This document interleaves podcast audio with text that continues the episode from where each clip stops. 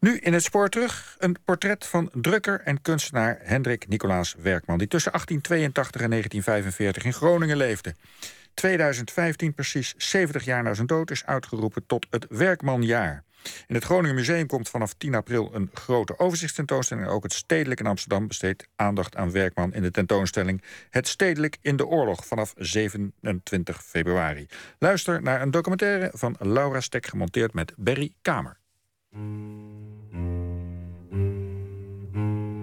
Voor mij en voor menigeen anders had je in Nederland uh, Van Gogh, Mondriaan en Werkman. Dat waren de grootste, zal ik maar zeggen. De enorme optimisme, de enorme power van die man. Gewoon in Groningen. En daar heeft hij zijn eigen paradijsje gemaakt. En dat waardeer ik in die man. Hij was heel erg in zichzelf. En het was net een schatbewaarder van een uh, hele bijzondere eigen wereld. Wat hij deed, dat mocht wat hem betreft gelijk worden gesteld met het werk van een kind. Hij had geen pretenties. Hij werkte eenvoudig om de wille van het werk. In zoverre is die naam Werkman een heel toepasselijke naam. Hendrik Nicolaas Werkman. Bij het grote publiek is hij relatief onbekend. Maar de stille drukker uit Groningen behoort tot een van de meest vooruitstrevende kunstenaars van Nederland. Door drukwerk met vrije kunst te combineren creëerde hij een heel nieuw genre. Hij heeft met de materialen uit de drukkerij hele nieuwe zeggingskracht gegeven aan het drukkersmateriaal. Hij heeft het op een heel andere manier gebruikt dan zoals het traditioneel gebruikt zou moeten worden. Het zo duidelijk mogelijk overbrengen van een tekst, van een boodschap. En zo ontstonden zijn druksels, zoals hij ze noemde. Voor hem vormden ze de opening naar een eigen fantasiewereld. Dit zijn mijn druksels van het paradijs. Niet het bekende paradijs, maar het onbekende. Ergens in een werelddeel dat nog door geen mens uit de cultuurstaten is ontdekt. Daarheen ben ik gevlucht, omdat het in onze wereld haast niet meer uit te houden is.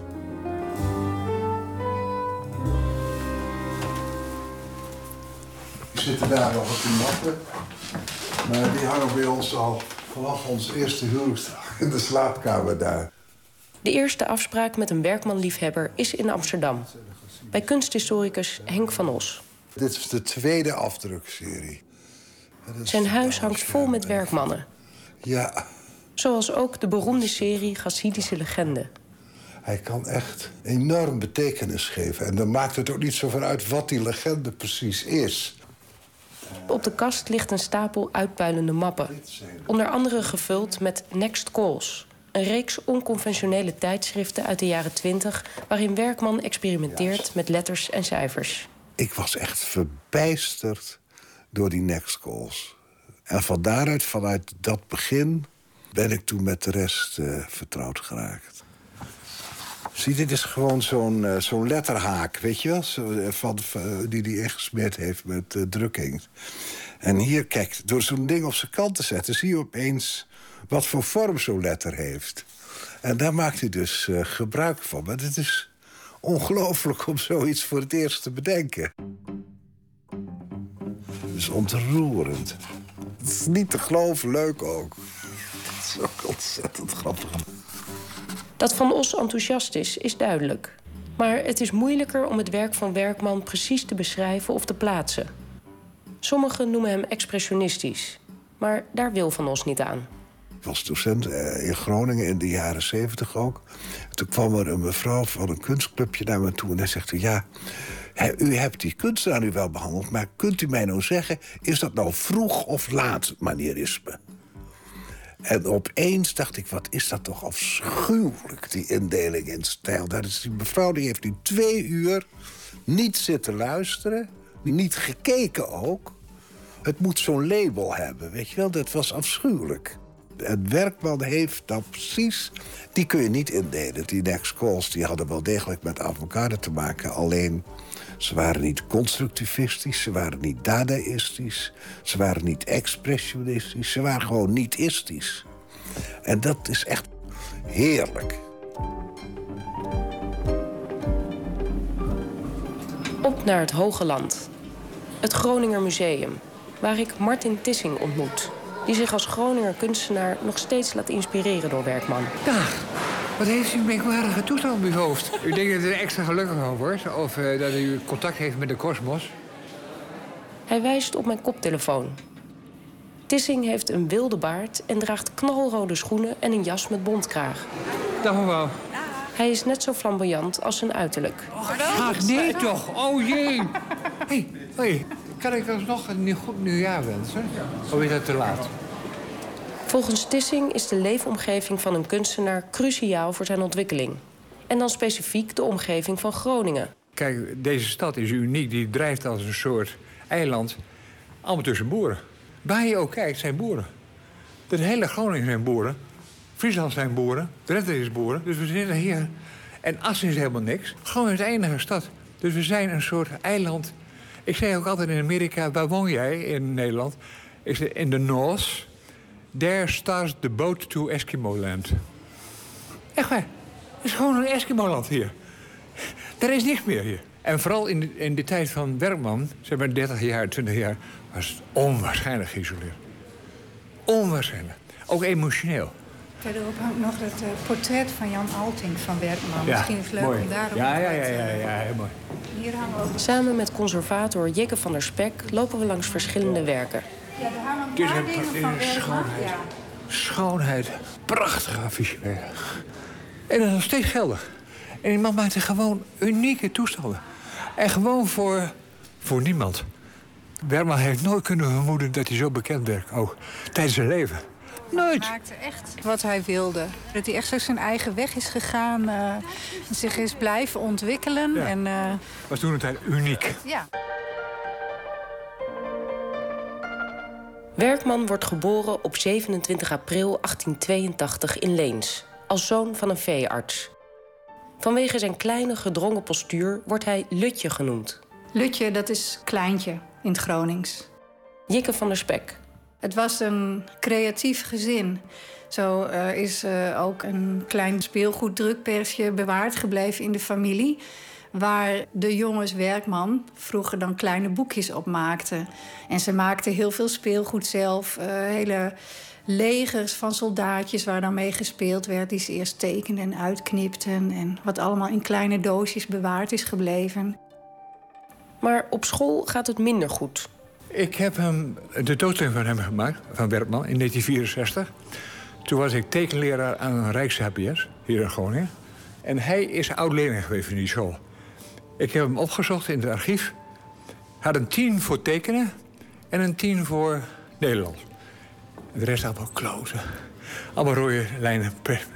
Slecht, slechte dromer.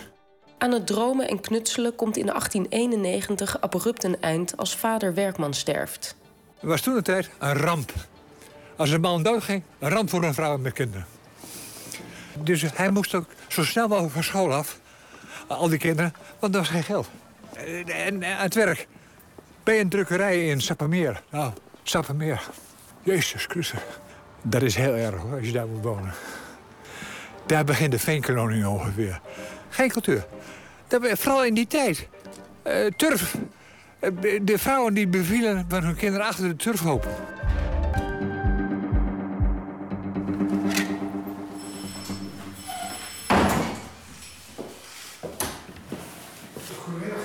Goedemiddag. In 1907 begint Werkman als zelfstandig drukker. In het GRIT, het Grafisch Museum in Groningen, is de inventaris van zijn drukkerij tentoongesteld. Verschillende bokken en bokken.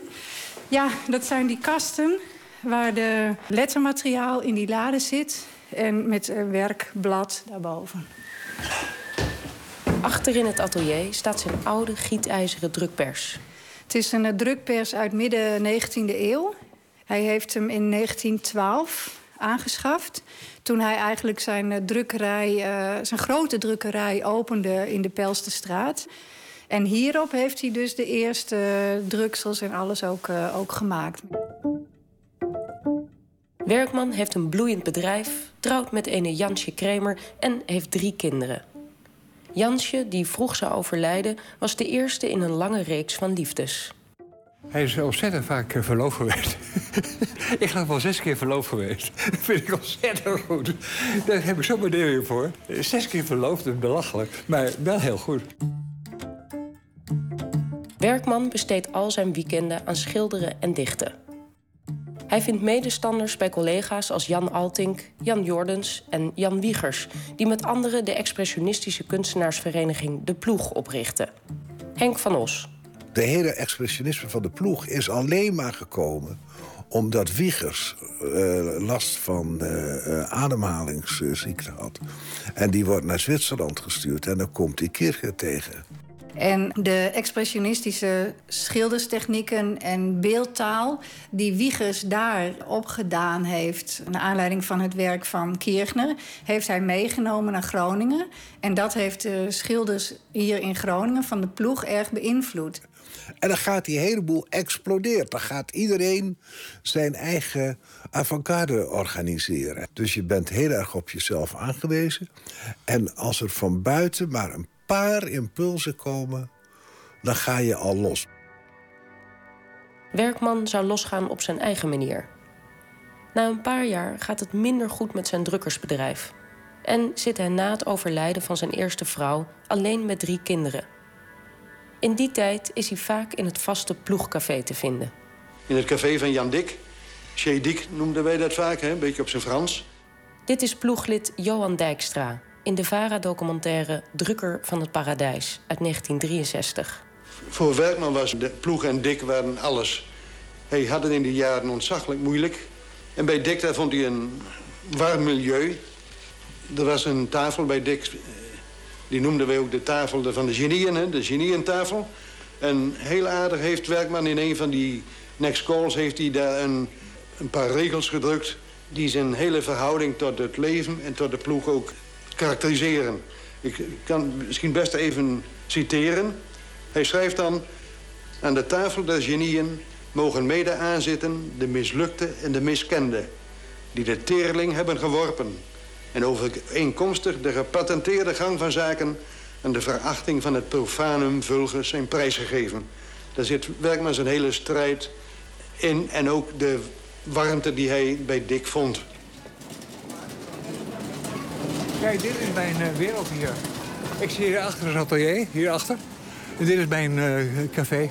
Daar begin ik mijn dag altijd uh, tussen de middag.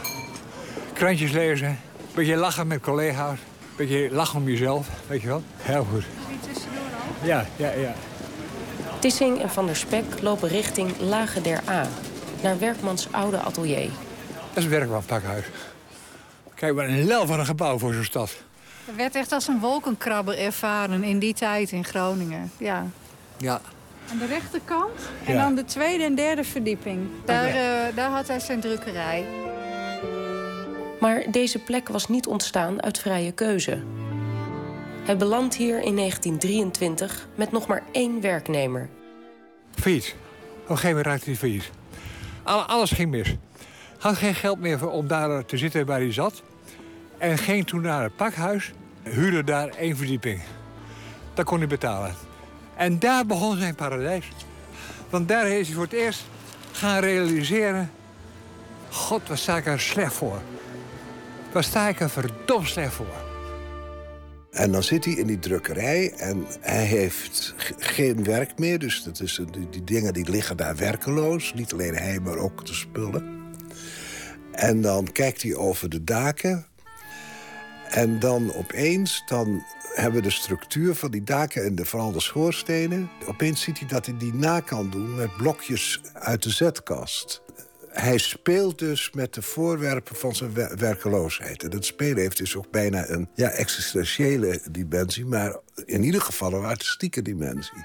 Ja, de, een eh, van zijn eh, vrienden binnen de ploeg, Job Hansen...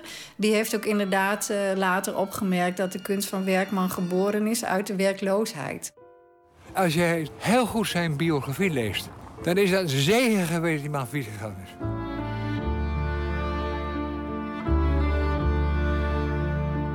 Werkman is nu bijna fulltime kunstenaar, produceert in hoog tempo en ontwikkelt verschillende technieken speciaal voor de drukpers. Toch voldoet hij in geen enkel opzicht aan het clichébeeld van de kunstenaar. Die man is een man geweest die absoluut niet met een baard rondliep zoals ik, of met lang haar. Keurige man. Hij was een gezeten burger. Die ondertussen de meest revolutionaire gedichten schreef. Hij was geen revolutionair in de zin van... Het moet allemaal anders, jongens. We moeten verdomme dat en dat. Nee, hij deed het. Dat beeld wordt ook bevestigd in het Groninger Museum... waar een portret van Werkman hangt, gemaakt door collega Jan Altink. Daar hangt eigenlijk Charlie Chaplin. Terwijl het Werkman is. Met pijpje, heel gemoedelijk. Maar ook met flesje never. Terwijl man die dronk heel matig. Dat is helemaal van. Maar hij lijkt onwaarschijnlijk op Chaplin. Hij was een man, een klein beetje doof. Hij was altijd een beetje een gebogen, luisterende figuur. Ik heb zelf wel eens gezegd, hij had een klein beetje Chaplin-achtig gezicht... met zijn eeuwige sigaar. Hè? Echt een edelman. Hij was een aristocraat. Een beetje verlegen man. Hij liep traag door zijn gebouw. Er ging een grote charme van hem uit. We zouden vandaag misschien zeggen, het was een meneer. En een meneer van weinig woorden. Net als zijn schilderende vriend Job Hansen. Dat was zelf iemand die uh, bij voorkeur zweeg. Dus dat was ontzettend embarrassing. Dus hij ging gewoon zitten wachten. Kon je rustig tien minuten stilzitten. Geheel ontspannen. Werkman kon dat ook. Dus die twee mannen die konden gewoon zwijgend tegenover elkaar zitten. Maar heel lang. Heel Gronings ook. Werkman bouwt in de jaren 30 een rijk oeuvre op. Hij heeft contact met avant-gardisten uit Parijs en Antwerpen, maar blijft zelf vooral in Groningen. Hij heeft de nadelen en de voordelen gehad van het isolement. Groningen heeft het leuke van een hotspot in isolement, maar er zijn ook nadelen aan. En het is ook gewoon niet prettig voor zo'n hotspot in een isolement. Als daar een, een, aantal kanjers boven dat maaiveld uit gaan hangen. Dat is gewoon niet prettig. Dat mag niet hier. Boven het maaiveld is absoluut verboden. Ja, dat, dat is het probleem. Of, of dat is een gegeven. Ja, ik herinner me dan direct een briefcitaat dat hij schrijft... Uh, Groningen, ik moet het tot mijn spijt erkennen, zit in een hoek waar geen geluid doordringt. Zo, hè, we zitten hier heel provinciaal en afgelegen. Soms speelt Werkman dan ook met de gedachte om weg te gaan. Hij was eerder korte tijd in Parijs, Keulen en Essen geweest. Maar hij droomt ook van exotischer bestemmingen. Hij had een uh, boek gelezen over de betoverde eilanden in de Zuidzee van Gratema, een schrijver die dus geschreven heeft over het leven op de Zuidzee-eilanden. En Werkman heeft hem zelfs een brief gestuurd, omdat hij dus overwoog om daar naartoe te gaan. Meneer Gratema, dat is een uh, koloniaal, zal ik maar zeggen... die niet op kan houden over hoe heerlijk die vrouwen er daar wel niet uitzien. En ook die foto's in dat boek, het is maar uh, die gaan een beetje in die richting. En Werkman vond dat geweldig. En die heeft ook even met, die, met hem gecorrespondeerd. Wou die heen? Uh, à la Gauguin. En iedereen heeft gezegd... Niet doen, daar ben je ongeschikt voor. Maar Gauguin was een bandiet, een beul. Maar Werkman was niet nee, zo? Nee, nee, nee, nee, nee. Dat was een voorzichtige man. Heel voorzichtig. En meneer Gratema die kon toch niet nalaten om te schrijven als waarschuwing... dat de levensomstandigheden toch niet zo mooi waren... als je je misschien zou voorstellen als je dat boek las. Nou ja, uiteindelijk is het bij zo'n briefwisseling gebleven... en is Werkman niet gegaan. Maar het geeft wel iets aan dat hij dan droomt van zo'n ver paradijs. Uiteindelijk besluit hij zijn paradijs gewoon in Groningen te vinden. En in zijn werk. Zo maakt hij de serie Vrouweneiland. En dat is een serie met hele lichte oranje, gele, hele vrolijke kleuren. Met naaktfiguren ook voor een deel. Ja, geknipt uit die schablones, dus heel globaal. En dat is een paradijselijke wereld. Een gelukzalig eiland mooier voor mijn besef dan de mooiste doeken van Gauguin uit de Zuidzee... die nog zwart zijn van heimwee naar Europa. Niets van zijn eigen somberheid voel je hierin. Het eiland wordt alleen bewoond in een zalige natuur door vrouwen, eh, vogels en paarden. En dan zegt hij, vandaag ben ik wat meer landinwaarts op het Vogeleiland geweest betekent dat hij een druksel heeft gemaakt. En die wereld, dat is zozeer een wereld van hem, van zijn innerlijke zelf. En dat verkent hij door zijn kunst.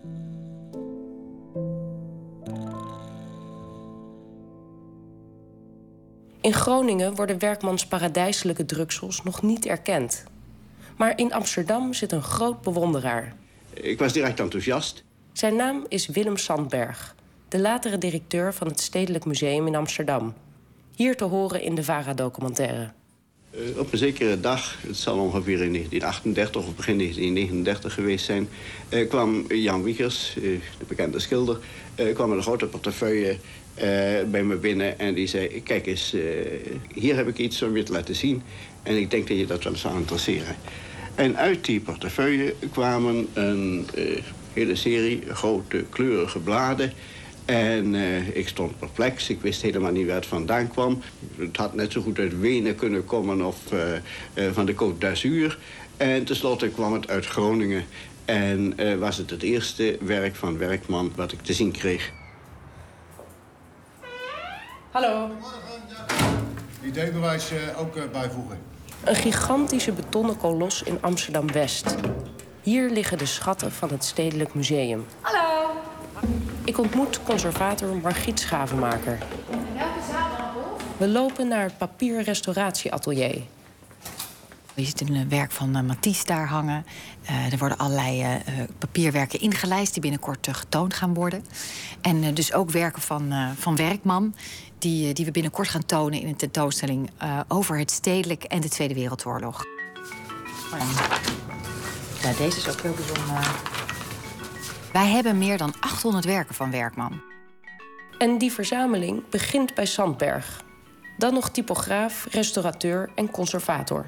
Wat Sandberg enorm aansprak, is dat hele innovatieve gebruik van het, ja, de grafische vormgeving. Het heeft allerhande verbanden met, met wat er op dat moment in de echte, uh, de avant-garde kunst op dat moment aan de hand was. En Sandberg zocht daar zelf ook heel erg naar zijn eigen werk. Dus ik denk dat Sandberg op meerdere niveaus enorm geïnspireerd was door uh, Werkman. Ja, dat kun je verschrikkelijk goed zien. Soms iets kun je dat te goed zien, zou ik bijna zeggen. Sandberg zelf. Kijk eens, misschien was het typische van Werkman zijn typografie... Eh, dat het warme typografie was. Menselijke typografie. Eh, terwijl we eigenlijk juist in die tijd, en misschien op het ogenblik nog...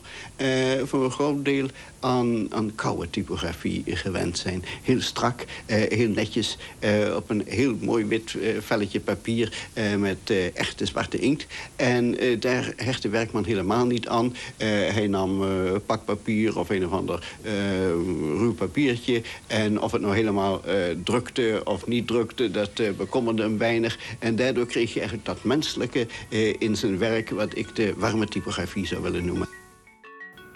Sandberg nodigt Werkman uit om naar Amsterdam te komen. Maar die staat niet direct te springen. Hij is somber en heeft weinig middelen. Het ijs was niet zo makkelijk te breken, moet ik eerlijk zeggen. Hij was uh, door de ervaringen des levens een klein beetje nou, op zichzelf teruggetrokken geworden. Werkman geeft eerst aan, ik heb geen geld om te reizen. Hij zegt, neem dan werk mee, dan verkopen we dat daar. En um, nou, organiseert dan ook dus aan de ene kant een salon voor uh, en dan zijn er dus uh, ja, hele beroemde Duitse kunstenaars van dat moment. Uh, de Berken Gildewart en ook kunsthandelaar Tannenbaum. Pas Sanders is er, Jaffe, een Mart Stam... Een heel intellectueel gezelschap die hem omhelzen. Sandberg heeft zijn werk allemaal geëtaleerd. Zij kopen van hem. Terwijl het is, is nooit bekend geweest. Toen ik die tentoonstelling in 1964 van, van Werkman maakte... Mm -hmm. heb ik al gedacht, rijk een zielepoot, die man. Maar dat is helemaal niet zo. Door de, door, zeg maar, door de high society van Amsterdam. Geprezen. Wat maak je mooie dingen.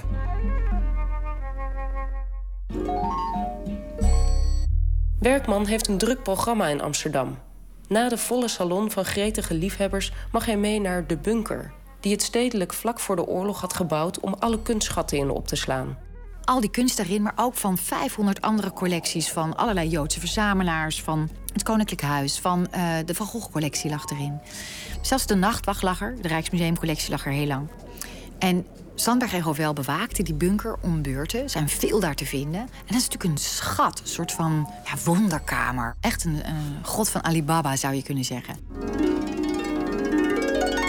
De volgende dag zijn Jan Wiegers en uh, Werkman en ik zijn samen toen naar Castricum gegaan... om daar in de kluis de kunstschatten te bekijken. En in de duinen, de zee, het, dat, al die, die Vermeers, die Van Goghs... En dat was natuurlijk voor Werkman, eh, die ten eerste heel weinig gereisd had... en eh, bovendien in de oorlog eh, niets van dit alles zou hebben kunnen zien... Eh, was dat een eh, buitenkantje. Voor ehm, Werkman die een tijd echt in een depressie zat... is dat een enorme openbaring. En hij begint dan weer te werken. Hij maakt een hele bijzondere serie die we ook laten zien op deze tentoonstelling... die hier ook ligt. Die serie heet Amsterdam Castricum. En je ziet hem ook, hè, hier, die bunker zie je hier afgebeeld. En je ziet een soort gouden stralen, een soort zonlicht wat eruit komt. Hè? En daarboven ook iets heel spiritueels, zou je kunnen zeggen.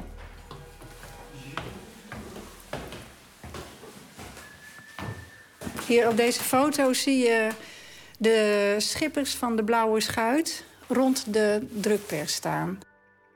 Aan de vooravond van de oorlog komt Werkman in contact met de Blauwe Schuit. Een clandestine uitgeverij uit Winschoten van Adrie Buning, Ate Zuidhof en dominee Henkels.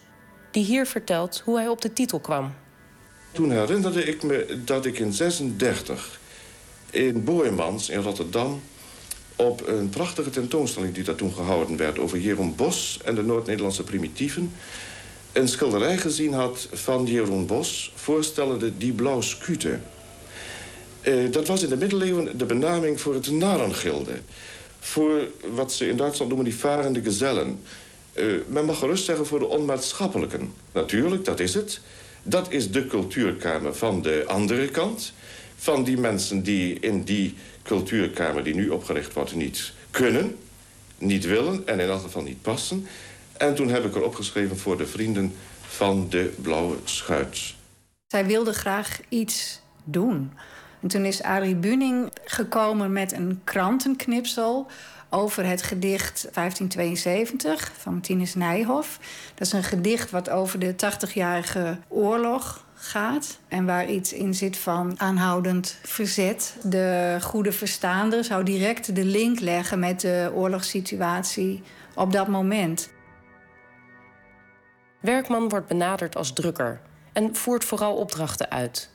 Maar zijn eigen druksels worden ook verspreid. Een van de werkstukken was een klein druksel... die hij in 1936 al gemaakt had... voorstellende een Joodse man op Sabbat met zijn hoge hoed op... en die plaquette die heette Pesach 1936. Het is het eerste druksel van de serie Chassidische legende... gebaseerd op de mystieke verhalen van een Joodse groep uit Polen... Door de indirecte thema's en boodschappen kon het allemaal net. Of toch niet. Want op 13 maart 1945 staan er twee Duitsers voor zijn deur. Waarom hij is opgepakt, dat is eigenlijk nooit helemaal helder uh, verklaard. Het zal uh, niet per se om uh, zijn kunst zijn geweest. Ook over de blauwe schuit schijnt het dat hij niet de hele tijd eh, verhoord is. Als dat het zou zijn, ja, dan verwacht je dat ze daarop doorpraten. 9 april 1945. Een groep Groningers uit Werkmans gevangenis wordt op transport gezet naar Bakkeveen om geëxecuteerd te worden. Onderweg is daar iets misgegaan. Is een van de gevangenen die is ontsnapt. En uh, dat heeft zoveel verwarring bij de bewakers van dat transport gegeven... dat ze teruggegaan zijn naar Groningen. Onverrichter zaken, zou je kunnen zeggen. En de volgende dag ging dat transport opnieuw en moest er een tiende man bij. En dat was Werkman. Werkmans laatste celgenoot is de fietsenmaker Glaudé. Dit vertelt hij in Drukker van het Paradijs, 1963. Het was s'nachts, voor ons gevoel althans, een uur of twee. We hoorden uh, geluid van lazen op de gang. Ik hoorde een bos sleutels in die deur gaan. Ik had vreselijk angst. En het eigenaardige is dat Werkman nooit gedacht heeft dat hij de doodstraf zou krijgen. Dan hij wel eens tegen mij... doodmaken doen ze me niet, Claudé. Dat krijgen ze nooit voor elkaar, want ik geef toch nooit toe. En er komen twee Duitsers binnen. En er wordt geroepen, uh, is Werkman hier? En toen moest Werkman zich aankleden en moest mee. Ik maakte nog een gebaar van dat hij naar een kamp zou gaan. En toen ging hij, heel duidelijk zichtbaar, ik vond het heel erg... ging hij het idee geven, met andere woorden, ik krijg de kogel. En toen zegt hij, Claudie, doe de groeten aan allemaal vrienden.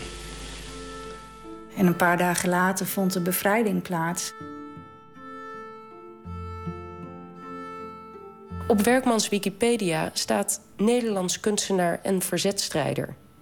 Maar volgens zijn eigen dochter Vie Werkman moet dat laatste worden doorgestreept. Henk van Os, die haar bij leven sprak.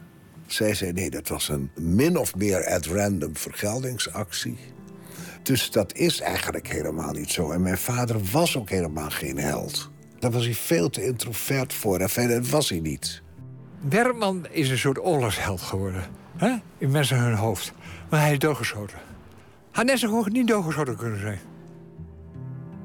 Willem Sandberg brengt op zijn eigen manier een ode aan zijn inspirator.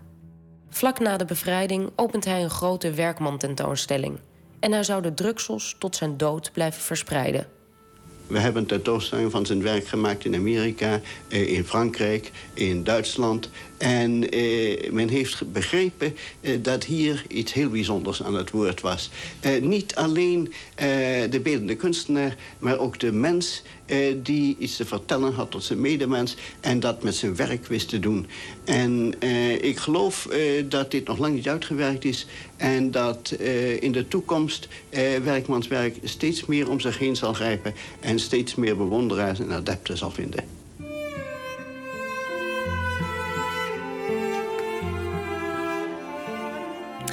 Dit was de documentaire Hendrik Nicola over Hendrik Nicolaas Werkman. Kijk voor alle activiteiten rond het Werkmanjaar op www.werkman2015.nl.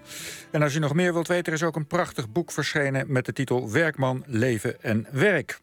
Meer informatie ook op npogeschiedenis.nl